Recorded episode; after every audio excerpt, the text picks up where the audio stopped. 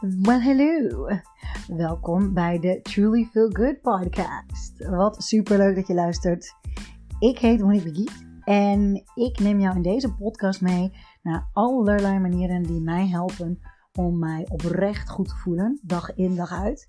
En uh, dat doe ik eigenlijk voornamelijk door mij elke dag weer bij mezelf terug te brengen. Ik weet als geen ander hoe het is om, uh, om jezelf te verliezen. En ik weet ook hoe makkelijk het eigenlijk is om te leven vanuit je eigen hart. En vanuit jouw passie en, en al die liefde die je hebt. En ik geloof erin dat elk mens heel veel liefde heeft te geven. En ik vind het net zo belangrijk dat je leert hoe jij ook met gemak kunt genieten van ontvangen. Dus deze podcast neem ik je mee naar al mijn tips en tricks, mijn inspiraties en mijn mind musings. En ik hoop dat jij, uh, dat jij al deze lessen mee kunt nemen en zo snel mogelijk weer thuis komt bij jezelf. Veel luisterplezier!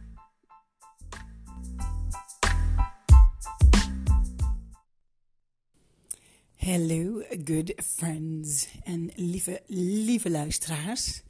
Ik kom vandaag vanaf uh, Ameland naar jullie toe.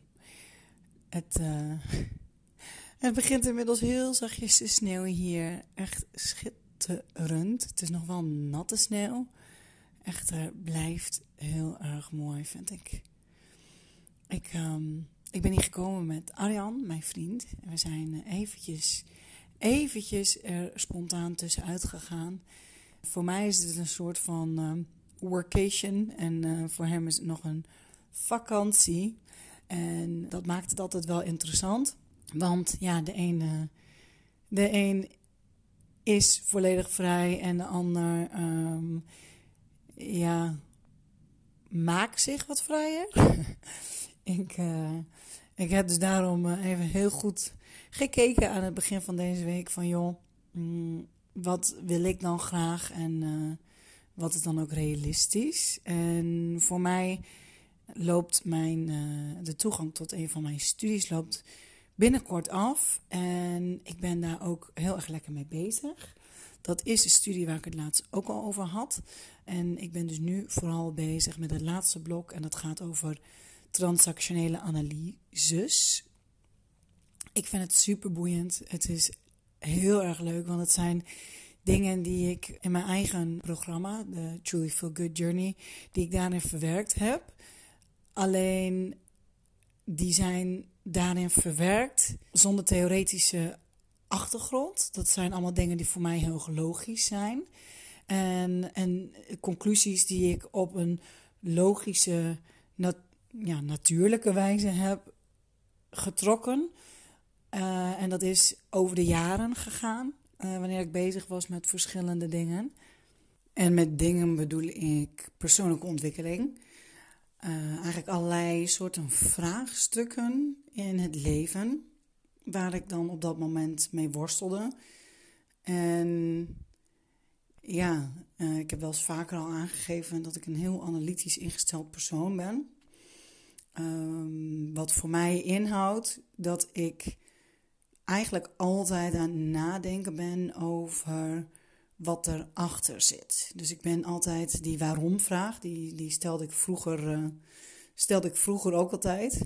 Ik moet ineens denken aan, uh, deze vind ik heel erg leuk, ik ga hem even tussendoor vertellen. Mijn, uh, mijn ik denk, meest irritante waarom-vraag. En dan irritant voor andere mensen. Ik, het was op, um, op de middelbare school. Ik zat in de brugklas en ik had, ik had les van meester Willem. Willems? Willemsen? Willems? Willemsen. Volgens mij Willemsen. Hele aardige man. Uh, en uh, gelukkig mocht hij mij wel. Wat, wat best grappig was, want hij was mijn wiskundeleraar. En ik heb op de lagere school heb ik mezelf wijsgemaakt dat ik heel erg slecht was in rekenen. En dus ben ik ook slecht geworden in rekenen. En zodra er dus ook maar iets met cijfertjes was of aan bod kwam, dan, uh, dan kon ik al uh, lekker dichtklappen. En het was een soort van in mijn hoofd een algemeen gegeven dat wiskunde moeilijk is en moeilijk moet zijn. Dus, uh, dus was dat ook zo. Gelukkig had ik af en toe kon ik wel ja, dan had ik net mazzel of zo. En dan was er een bepaald iets met formules die ik gewoon lekker uit mijn hoofd kon leren. Daar was ik heel goed in. Dingen, uh, dingen letterlijk uit mijn hoofd leren.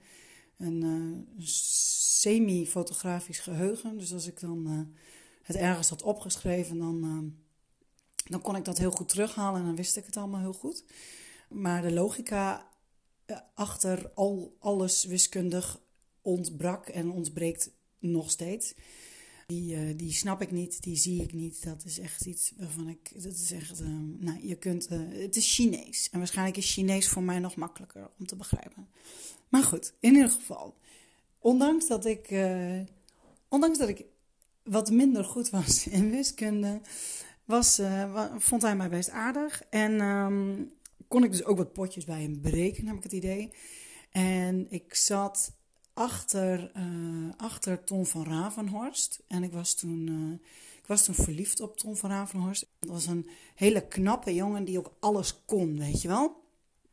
Die echt overal goed in was. En uh, ja, die zat dus voor mij. Dus ik wilde hem ook heus wel beïndrukken. En, ehm, maar goed, in ieder geval, meester Willemsen die vertelde een verhaal. En hij, hij had iets uitgelegd, een som. En ik steek mijn hand op. Ik zeg: um, waarom is dit zo? Waarom moet het op deze manier? Nou, en toen ging meester Willemsen, die keerde zich om. En die legt nog een keer weer uit hoe je de stappen moest zetten voor het maken van die som. Dus ik zeg bedankt. Um, ik snap hoe en ik snap welke stap je moet zetten. Maar waarom moet dit zo? Waarom is dit zo? Nou, oké. Meester Willemsen die draait zich weer om. En die vertelt exact hetzelfde weer. Hoe je die som moet oplossen. En welke stap je moet zetten. Nou, zo ging dit ongeveer vijf keer. Want ik kreeg geen antwoord op mijn vraag. Ik wilde weten waarom. En uh, dus dit ging, dit, dit ging een tijdje door. En de hele klas, uh, ik voelde aan iedereen, ik ben ook behoorlijk gevoelig. Ik kan heel veel uh, energieën om mij heen voelen. En uh, nou deze was, hier hoef je eigenlijk niet heel gevoelig voor te zijn. Om te merken dat iedereen geïrriteerd was op mij, want ik hield de klas op. Dus, maar ja, wat natuurlijk het meest vervelende was, was dat uh, Tom van Ravenhorst, die, uh, die ging echt heel uitgebreid, flink diep inademen. En die draait zich super geïrriteerd om en die doet echt tegen mij dat hij zijn geduld verloren had. En wat ik dan toch wel vet stoer van mezelf vind, is dat ik hem aankeek en zoiets had van jij kunt me wat met je gezucht. Ik krijg geen antwoord op mijn vraag. Dus ik blijf doorvragen tot ik antwoord op mijn vraag krijg. Dus uh, zo gezegd, zo gedaan. En na vijf keer had, uh, had, uh, had de leraar door wat mijn vraag was. En zei hij, weet niet waarom, dit is gewoon zo, dit moet je gewoon aannemen. Oh, oké, dat was genoeg. Dat was alles wat ik hoefde te horen. Um, ik had nog liever een antwoord gehad op waarom. Maar ja, dat wist hij gewoon niet. En kennelijk is dat dus iets wat gewoon zo is. Maar goed, dus uh, acceptatie dan maar. Prima, het is zo. Er is geen waarom. Het, uh, het mogen duidelijk zijn, ik, uh, ik hou van het antwoord op waarom. En waarom vind ik dit belangrijk? Omdat ik dan voor mezelf kan bepalen wat ik ervan vind. En ik kan uh, dan ook zelf kijken. Ik snap het dan beter. Ik kan het dan ook van meerdere kanten bekijken. En daar hou ik van. Dat vind ik fijn. Dat geeft mij perspectief. En dan kan ik ook bekijken van hé, hey, welke invalshoek is voor mij prettig en werkt voor mij. En dan kan ik ermee experimenteren. En dan ga ik kijken, daar hou ik namelijk ook gigantisch van, om te kijken van joh, hoe gaat dit dan? En uh, wat, voor, wat is de meest efficiënte en effectieve en gemakkelijke manier voor mij? Welke werkt het beste voor mij? Waar voel ik mij het prettigste bij? En dat vind ik super belangrijk. Dat is echt iets wat. Um, ja, waarom die vraag eigenlijk altijd natuurlijk tot mij is gekomen. En na mijn burn-out heb ik, um, heb ik dus heel veel van deze vragen heb ik, ja, ben ik stapsgewijs achtergekomen door, door altijd die waarom-vraag te stellen en op onderzoek uit te gaan en te gaan experimenteren. En dan, als ik dus ergens een vraag bij had, nou, dan ging ik of kijken of ik daar een cursus over kon doen. Uh, ik ben ook behoorlijk uh, autodidactisch ingesteld, dus dan ging ik zelf veel op onderzoek uit en dingen testen en uitproberen en kijken, ja, wat werkt wel voor mij, wat werkt niet voor mij. En dat heeft, uh, nou ja, als je het alleen al zo hoort, kan ik me voorstellen dat jij je kunt voorstellen dat dit heel wat, wat tijd heeft gevergd. En dat is absoluut zo.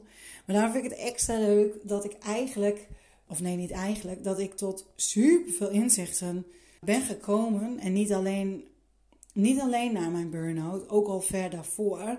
Omdat ik altijd die vraag in mijn hoofd altijd gesteld heb. En altijd heb geprobeerd te analyseren waar mijn gedrag vandaan komt. Want, want dat had ik wel heel goed door, dat dat het enige is waar ik invloed op heb. En heb ik daar altijd naar gehandeld? Nee, uh, dat wil ik absoluut niet uh, pretenderen.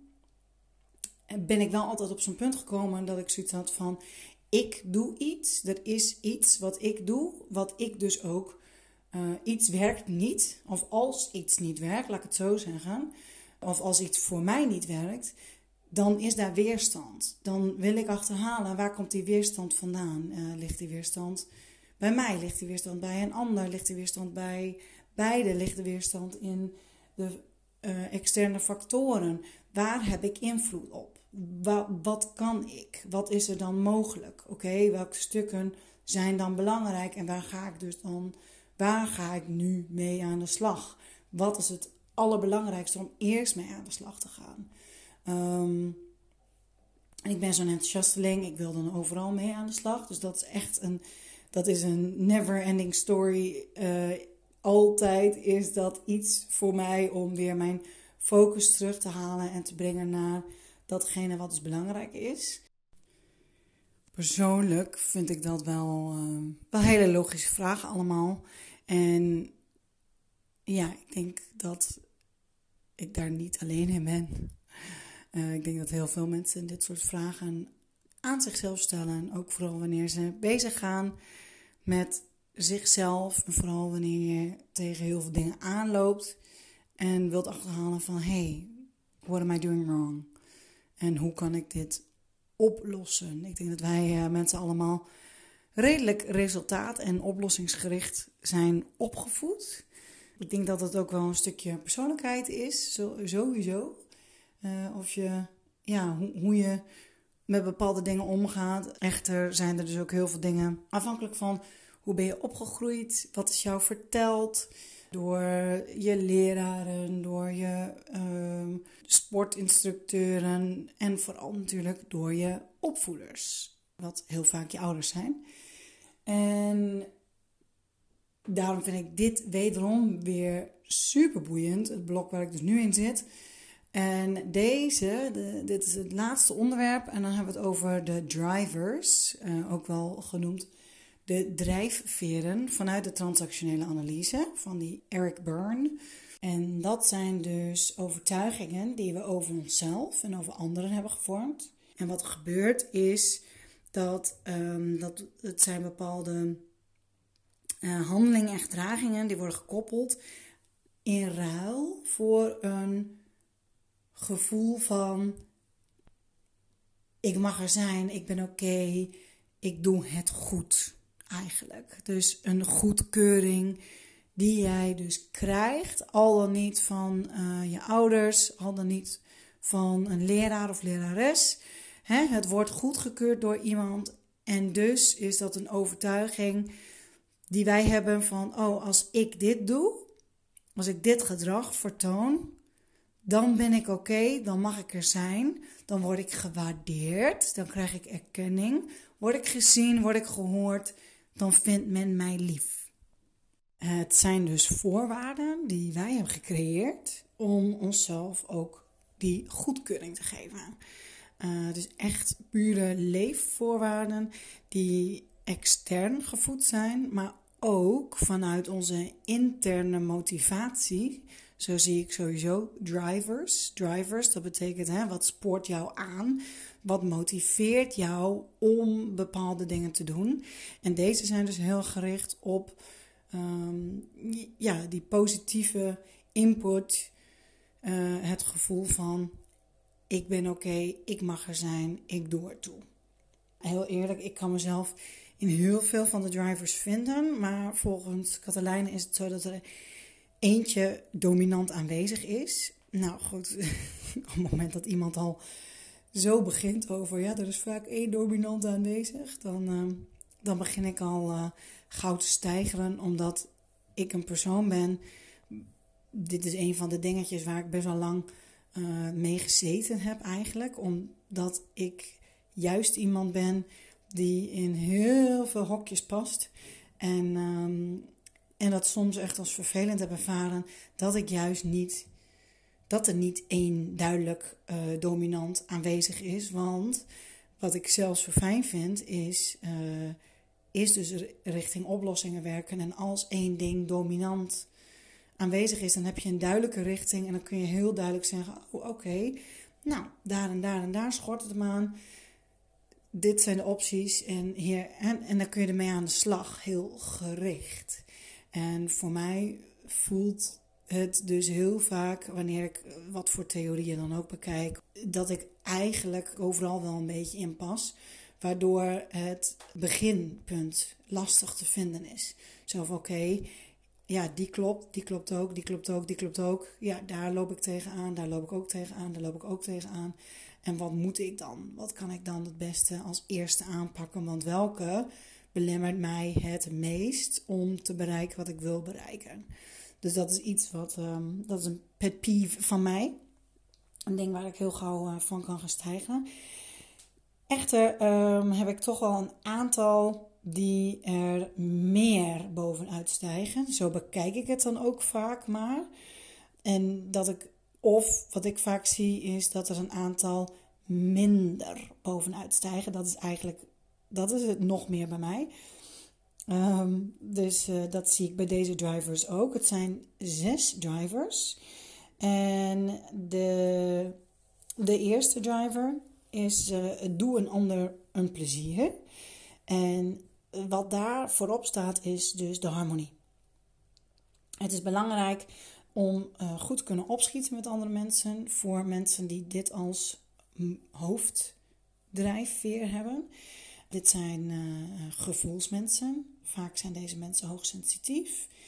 En die kunnen intuïtief heel goed aanvoelen hoe een ander zich voelt. Dit type blinkt gigantisch uit in het uh, maken van contact en verbinding met anderen. Wat ook wel begrijpelijk is, als je dus intuïtief wat kunt aanvoelen wat er gebeurt met andere mensen, dat je dan dus ook makkelijker die verbinding maakt, want je benoemt misschien sneller wat je ervaart bij iemand en um, daar liggen snellere verbindingen in. Uh, deze mensen uh, passen zich snel en gemakkelijk aan aan de wensen en verwachtingen van anderen. En dat is iets waar ze heel goed in zijn. En tegelijkertijd is dat natuurlijk ook een gigantische valkuil want het zorgt er juist weer voor dat je daarmee compleet jezelf voorbij kunt gaan. Nou, die herken ik sowieso. Ik ga nog heel even verder met waar ze in uitblinken. Um, de, de mensen met als drijfveer doen een ander een plezier. Vanuit de transactionele analyse van Eric Byrne. Voor mocht je nu net inschakelen. Ze zijn een soort chameleon en kunnen met iedereen omgaan. En zijn supergoed in een team en heel fijn om mee samen te werken.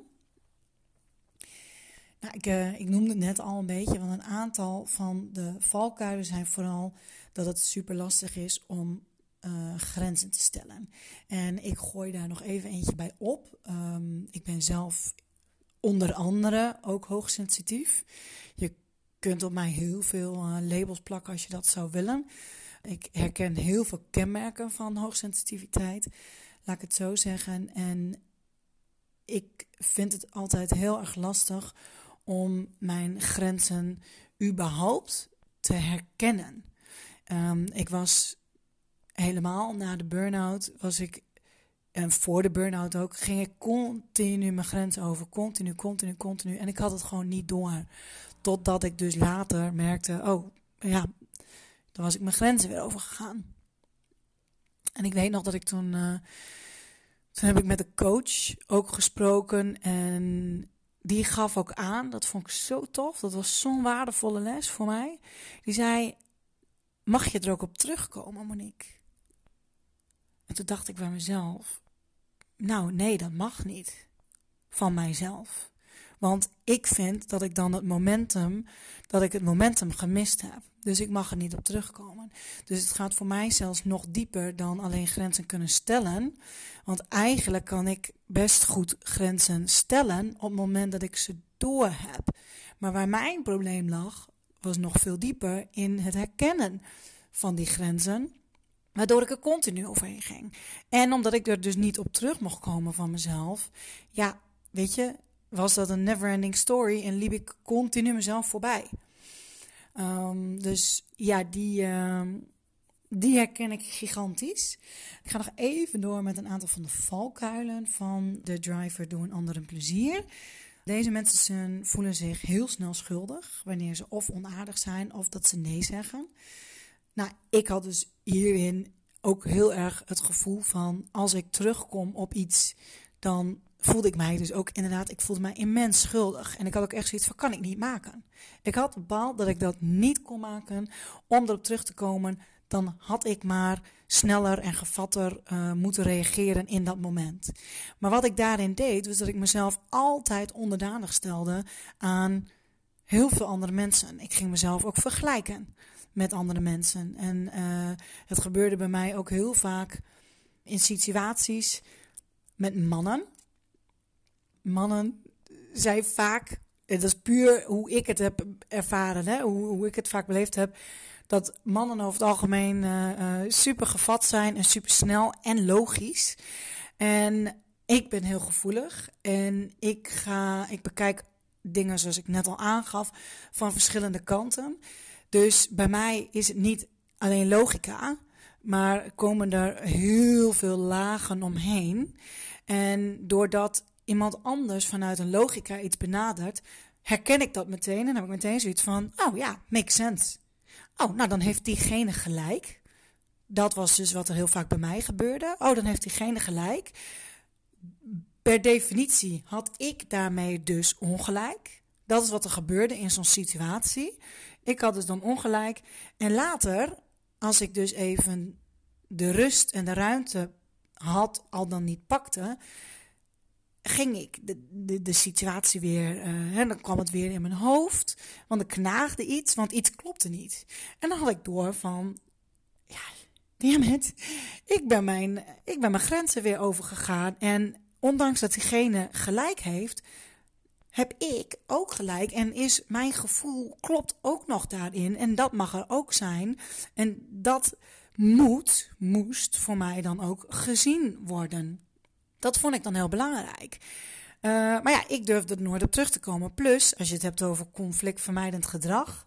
Um, volgens mij heb ik dat net niet genoemd. Maar nog een, uh, ja, nog een kenmerk van, van de drijfveer doen onder plezier is dat dit type mens conflicten uh, vermijdt. En het liefst de confrontaties uit de weg gaan. Want ja, het is belangrijk dat er harmonie heerst en dat het gewoon fijn is. Ja, en dat was precies wat er bij mij ook gebeurde. En ook omdat ik gewoon zo goed die anderen begreep. En dan had ik echt zoiets van, dan durfde ik ook niet terug te gaan. Dan moest mijn verhaal wel heel duidelijk zijn. Dus was ik echt, dan klapte ik al dicht, was ik echt hartstikke bang van tevoren. Om terug te gaan, vooral naar diegene, wat vaak een man was. Die zo logisch en zo snel uh, met logische dingen kwam waardoor ik mij compleet overruled voelde. En ja, uiteindelijk heeft dat bij mij compleet ook geresulteerd in dat ik al mijn assertiviteit kwijt ben geraakt. Echt, ik durfde niks meer. Ik durfde geen, ik durfde geen enkele confrontatie meer aan te gaan. En um, nou ja, dit, dit was dus één van de drivers die mij daarin motiveerde. Waardoor ik, wanneer je dus te ver gaat in, in die bepaalde positieve gedragingen. Wanneer het te ver gaat en wanneer je dus bepaalde voorwaarden aan jezelf oplegt, dan slaat het door en dan gaat het dus de andere kant op.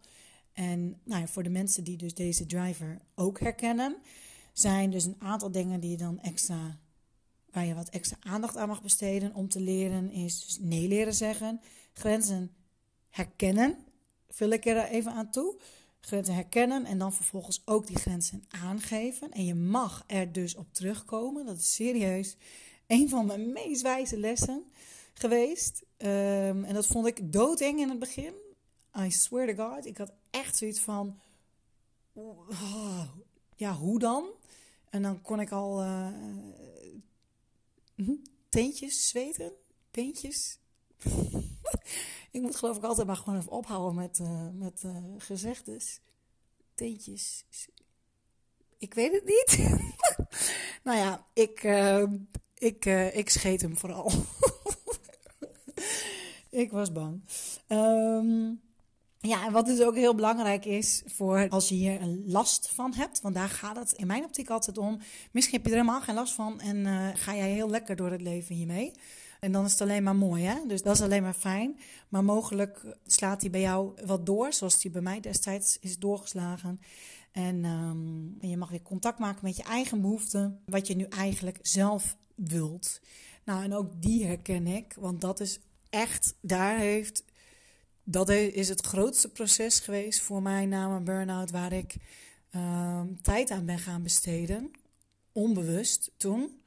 Dat ik doorhad van hé, hey, maar ik heb compleet, ben ik door deze gedragingen, doordat ik altijd een ander op de eerste plek zette, want dat was, ja, ik maakte dus een ander zijn of haar behoeften belangrijker dan mijn eigen behoeften. En uh, daardoor was ik compleet mijn eigen behoeften ook uit het oog verloren. En vooral omdat ik zo'n chameleon ben en omdat ik mij zo makkelijk kan aanpassen en meebewegen, gebeurt dat ook heel snel en heel gemakkelijk. Dus het is heel logisch, alle gevolgen.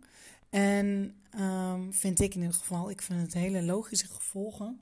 Dus ja, even um, als mooie afsluiter Kies een keer voor jezelf en wees eens uh, wat liever voor jezelf. Mocht je deze driver hebben. Ik, uh, ik ga met deze driver-serie ga ik verder, want ik wil, uh, ik wil ze allemaal benoemen en bespreken, omdat ik het heel erg waardevol vind.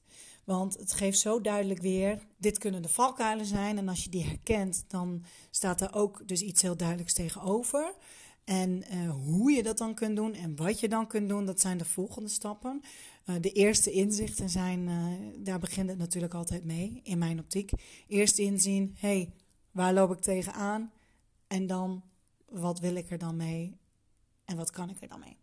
Goed, um, that's all for now, folks. Super bedankt weer voor het luisteren. Ik spreek jullie heel gauw. Ik heb al heel veel zin om namelijk met de volgende driver bezig te gaan. Ik pak die er heel even bij. Oh ja, want die, dat is volgens mij mijn hoofddriver als ik eentje moet kiezen.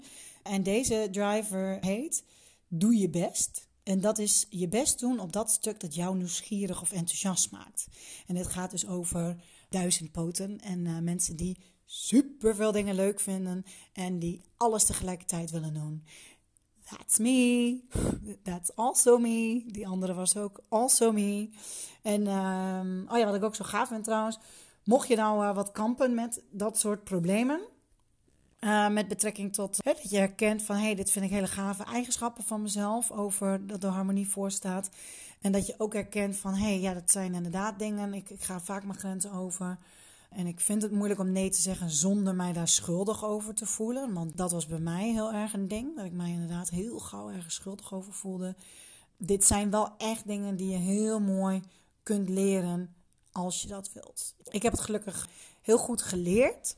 En ik wil er ook nog even bij zeggen dat het altijd een proces is. Want ik loop er nog vaak genoeg tegenaan dat ik doorheb dat ik het weer doe. Weet je, dus het is ook niet iets uh, van, oh, dat heb ik één keer geleerd en klaar is Kees. Tenminste, zo zie ik het niet. Ik denk dat het uh, elke keer juist gemakkelijker wordt. En zodra jij weet welke methode dus voor jou werkt, want dat vind ik zo belangrijk.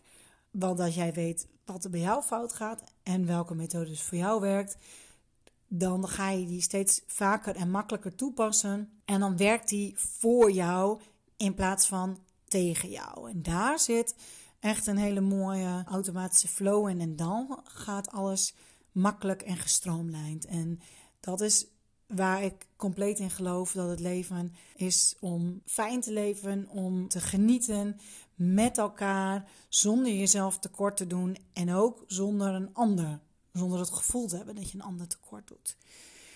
Dus um, ja, dus dat. Dank jullie wel. Hele fijne dag en tot uh, muy rápido. Hasta luego. Ciao. Yay! Wat super leuk dat je luisterde. Hartelijk bedankt daarvoor. Ik vind het echt geweldig dat je de tijd hebt genomen en uh, de aandacht hebt gegeven om, uh, om deze episode te luisteren. Ik ben dan ook heel erg benieuwd wat je ervan vond. Heb je er wat uitgehaald en wat heb je er dan uitgehaald? Wil je dat uh, met me delen? Dat zou ik echt super tof vinden. jij kunt mij vinden op www.trulyfeelgood.com. En uh, daar vind je ook mijn, mijn Instagram en mijn Facebook. Um, had je nou zoiets van: yes, dit is echt een hele toffe episode voor iemand die je kent? Stuur hem dan door en uh, ja, maak ook een screenshot en deel hem op Instagram door mij te taggen. Truly feel good.